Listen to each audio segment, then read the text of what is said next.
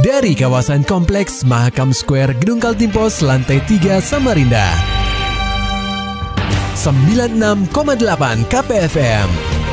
Kita akan ikuti program KP Flash News.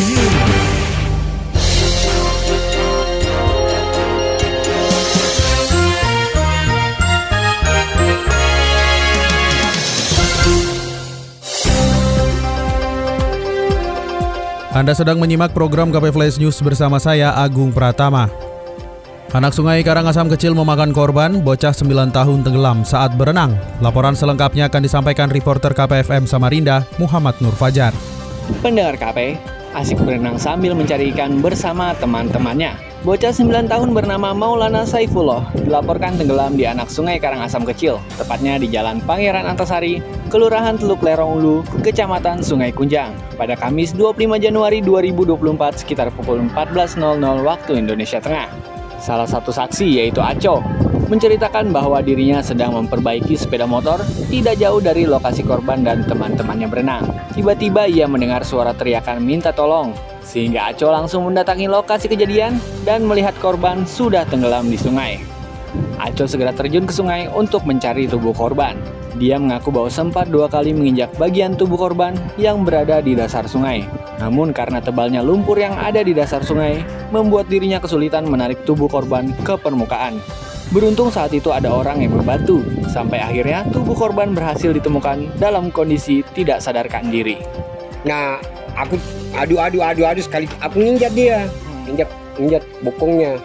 Jadi gue pegang ketarik hilang lagi. Muter lagi aku. Kunjak lagi lengannya. Ketarik lagi. Panggil adek ini deh bantu aku lompat di turun bantu aku. Kalau sendiri aku takut juga. Udah jadi pas ini turun juga belum dapat. Ada adik kecil tadi. Adiknya lompat turun lagi dia. Bilang aku nginjak tadi belakangnya ndak ndak ketemu juga. Baru dia lompat tengah baru dia dapat jadi ada yang kecil itu yang dapat tadi ada adik kecil. Jadi yang berenang ada berapa orang? Dua orang aja. Dua orang. Dua orang ya. dua orang satu di atas ini. Kan sisa tiga tadi aku lihat. Hmm. Terakhir aku lihat cuma jarinya kayak gini dia. Hmm. Hilang dah 20 menit. Beberapa saat berselang, unsur relawan tiba di lokasi kejadian untuk memberikan pertolongan pertama kepada korban. Salah satu relawan, Muhammad Rizky menuturkan, dirinya sempat memompa tubuh korban sampai mengeluarkan air. Namun setelah itu, kondisi korban tidak kunjung membaik, bahkan sudah tidak bernafas lagi. Jadi kita sempat bantu dengan apa di pompa juga, sempat mengeluarkan air, pas sudah mengeluarkan air tiba-tiba sudah nggak ada napasnya. Nggak ada napasnya. Iya. Artinya bocah ini uh, sudah nggak sadar ya? Sudah nggak sadar kan? Oke.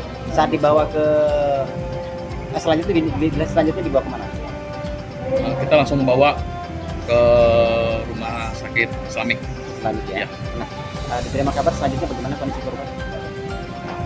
Dapat kabar dari tim medis dinyatakan meninggal. Meninggal dunia ya.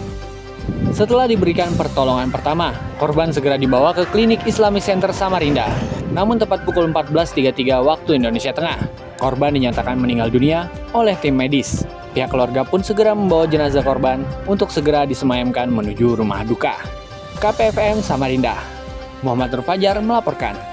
Berita selanjutnya pendengar KP, kapal landing craft tank atau LCT karya Fortuna yang hendak berlayar dari Balikpapan menuju Berau Dilaporkan karam saat berada di kawasan Muara Pegah, Kabupaten Kutai, Kartanegara pada Rabu 24 Januari 2024 sekitar pukul 12.00 waktu Indonesia Tengah. Berdasarkan informasi yang diperoleh, terdapat 10 kru kapal LCT berhasil dievakuasi oleh dua kapal terdekat. Sementara satu kru kapal ditemukan tidak bernyawa akibat insiden ini. Peristiwa nahas tersebut dibenarkan oleh Kasih Keselamatan Berlayar, Penjagaan dan Patroli Kesyah Bandaran dan Otoritas Pelabuhan atau KSOP kelas 1A Samarinda M. Rida. Rida menuturkan pihaknya sudah mengerahkan personilnya untuk menuju lokasi kejadian guna melakukan pengecekan. Lantaran jarak yang cukup jauh, maka Rida belum bisa membeberkan apa hasil pengecekan di lapangan.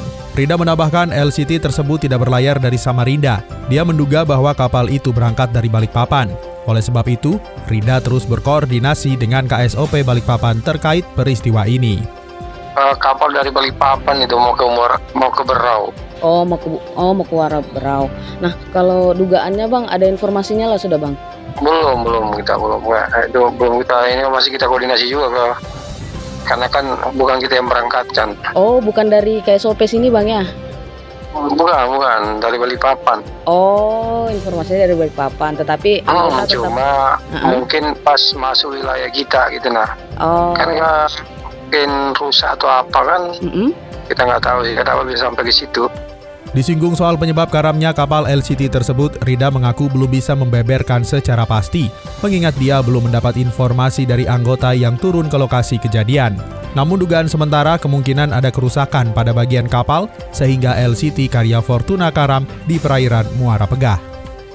Kabar selanjutnya datang dari dunia olahraga pendengar KP. Tim Sambokal Tim hadapi kendala non-teknis jelang PON. Laporan selengkapnya disampaikan reporter KPFM Samarinda, Maulani Al-Amin. Pendengar KP, pengurus Persatuan Sambo Indonesia atau Persambi Kaltim melaksanakan verifikasi bertahap bersama KONI Kaltim dalam rangka persiapan Pekan Olahraga Nasional atau PON ke-21 yang terselenggara di Aceh dan Sumatera Utara pada September 2024 mendatang. Pelatih Sambo Kaltim Riyandi Febriko mengatakan, selama verifikasi target yang ingin dicapai adalah membidik zona medali dan menyampaikan 20 item alat latih tanding mengingat para atletnya saat ini masih tersebar di beberapa daerah dan tengah menjalani program latihan mandiri. Menurut Riko, atlet pun siap berkumpul untuk mengikuti pemusatan latihan daerah atau Pelatda Konkaltim pada Maret 2024 mendatang. Persambi pusatnya, Sambo pusatnya itu tidak menerapkan itu dia. Bagi atlet yang uh, ataupun daerah yang tidak bisa memberangkatkan atletnya, anggap aja itu non mendali. Kalau seandainya dari provinsi uh, tidak tidak bisa, nanti yang juara-juara di bawahnya itu naik semua ke atas.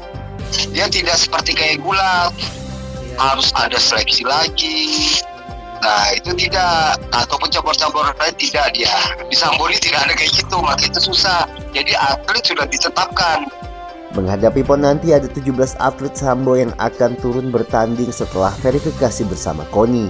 Namun sementara ini tim Sambo Kaltim terkendala soal tempat latihan sehingga Persambi Kaltim berharap alat latih dan tanding yang disampaikan bisa cepat akan datang. KPFM Samarinda, Maulani Al-Amin melaporkan. Maulani Alamin, Muhammad Nur Fajar, KPFM Samarinda. Serta dapatkan berita-berita selengkapnya di www.968kpfm.co.id. Demikian tadi telah kita simak rangkaian berita-berita yang terangkum dalam program KP Flash News. Persembahan dari 96,8 KPFM. Terima kasih dan sampai jumpa.